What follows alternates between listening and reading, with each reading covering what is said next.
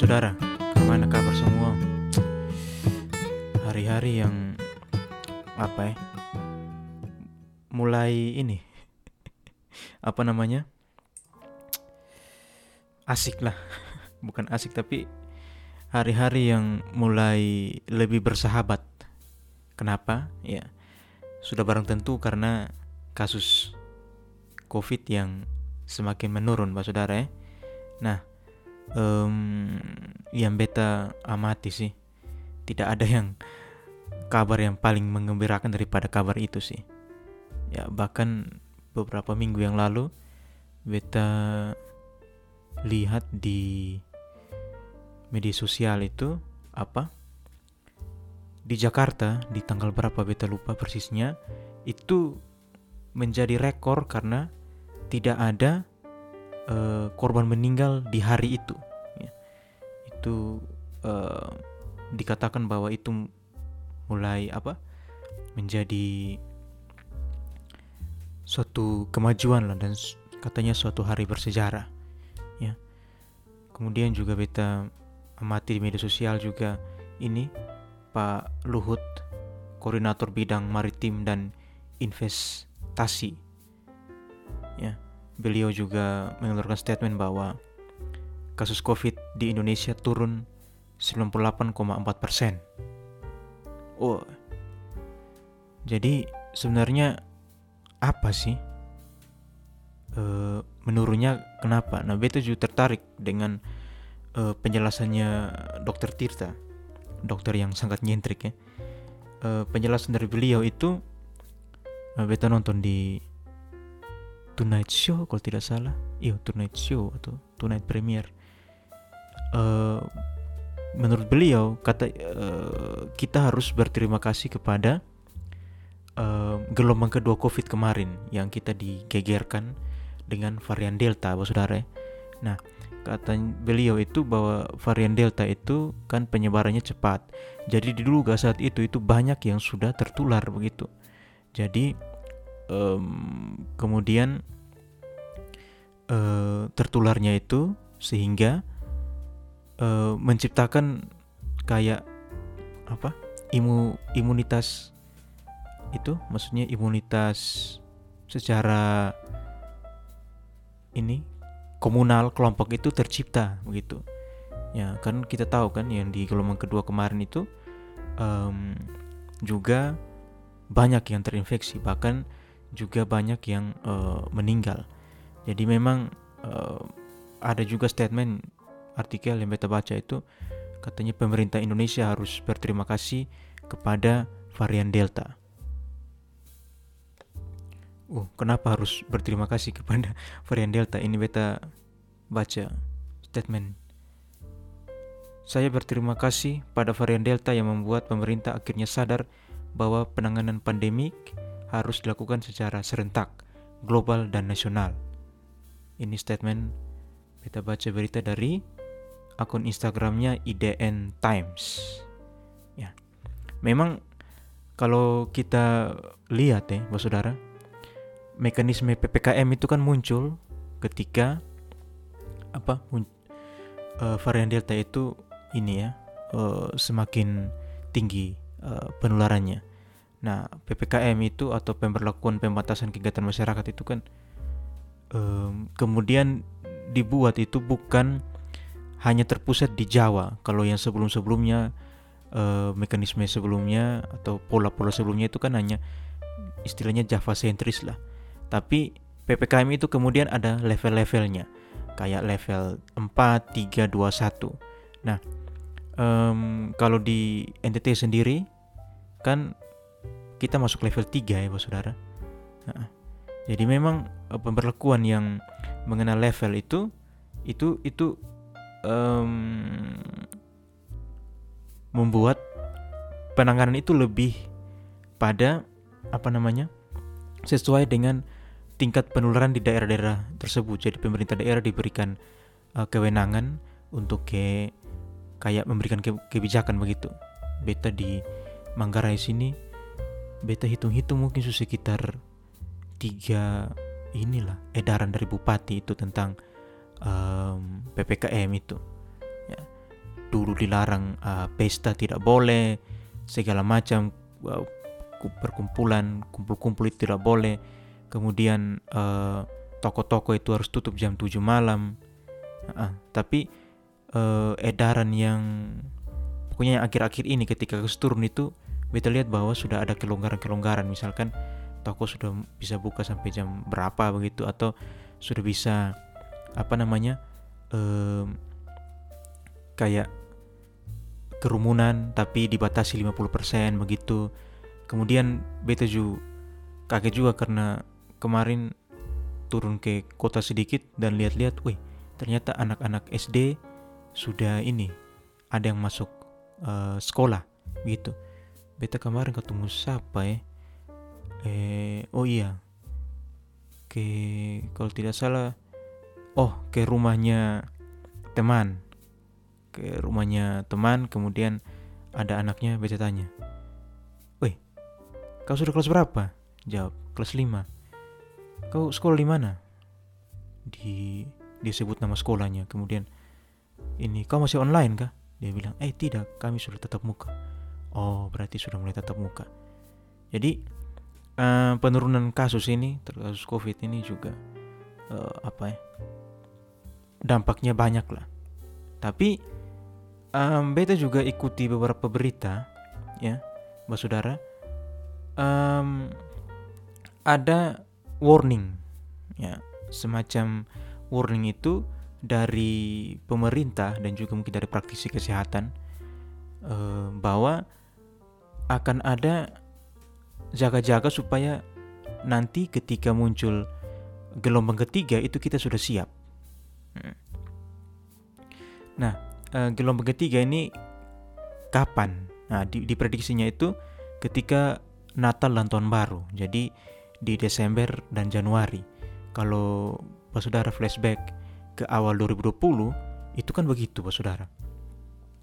Pokoknya November, Desember itu kasus mungkin di selain di NTT ya, itu um, mungkin naik. Tapi di NTT waktu itu beta ingat belum terlalu inilah belum terlalu tinggi-tinggi amat. Buat bahkan beta masih ingat waktu itu beta masih keliaran masih pokoknya belum jaga masih inilah masih belum yang apa dibatasi lah begitu waktu itu di akhir-akhir 2020 tapi di akhir Desember 2020 dan awal Januari sampai kemarin itu kasus tinggi itu itu gelombang keduanya terjadi pak saudara.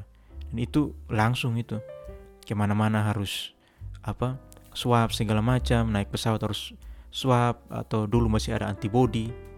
Beta waktu itu naik pesawat masih pakai antibody.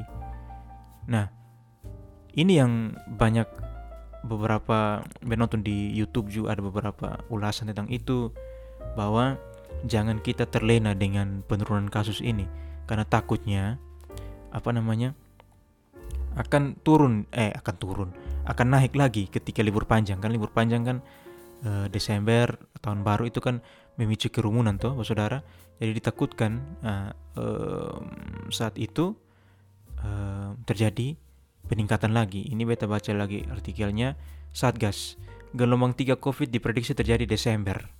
Nah, Kepala Satuan Tugas Satgas Penanganan COVID-19, Letnan Jenderal TNI Ganip Warsito mengatakan, gelombang ketiga penurunan virus corona diprediksi akan terjadi pada Desember 2021.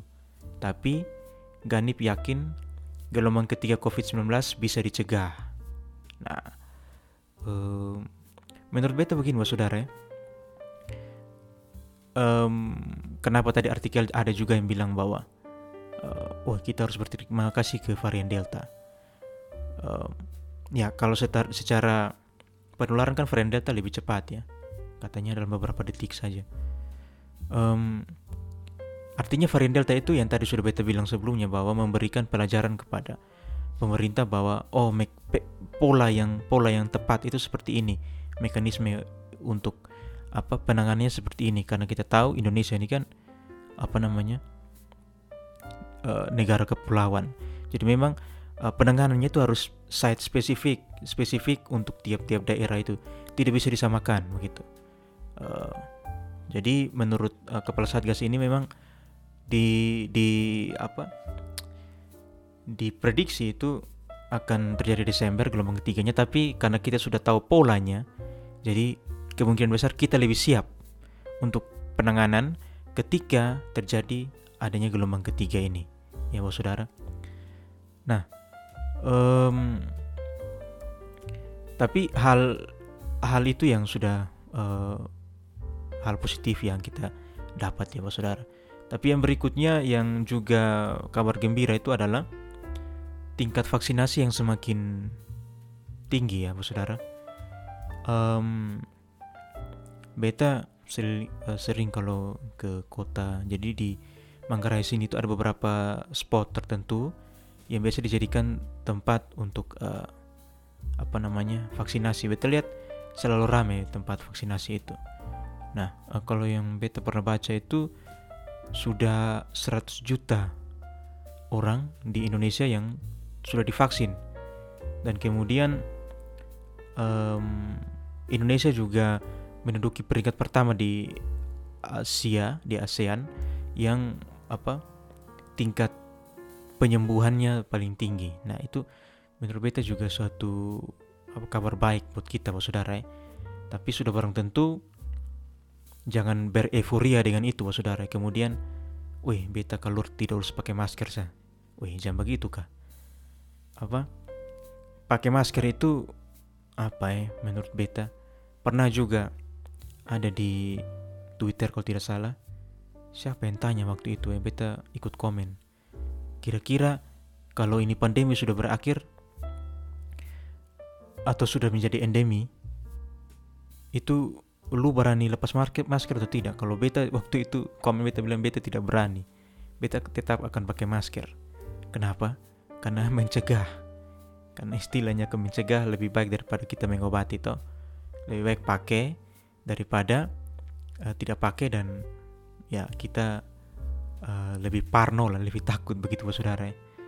Uh, jadi tetap untuk jaga prokes um, supaya inilah um, tingkat penularan di Indonesia semakin melandai begitu saudara. Nah yang gembira juga untuk apa pekerja-pekerja seni ini, terutamanya musisi-musisi. Katanya sudah bisa untuk konser, wey. Dan kemarin um, hari apa ya? Hari pokoknya beta lupa hari apa.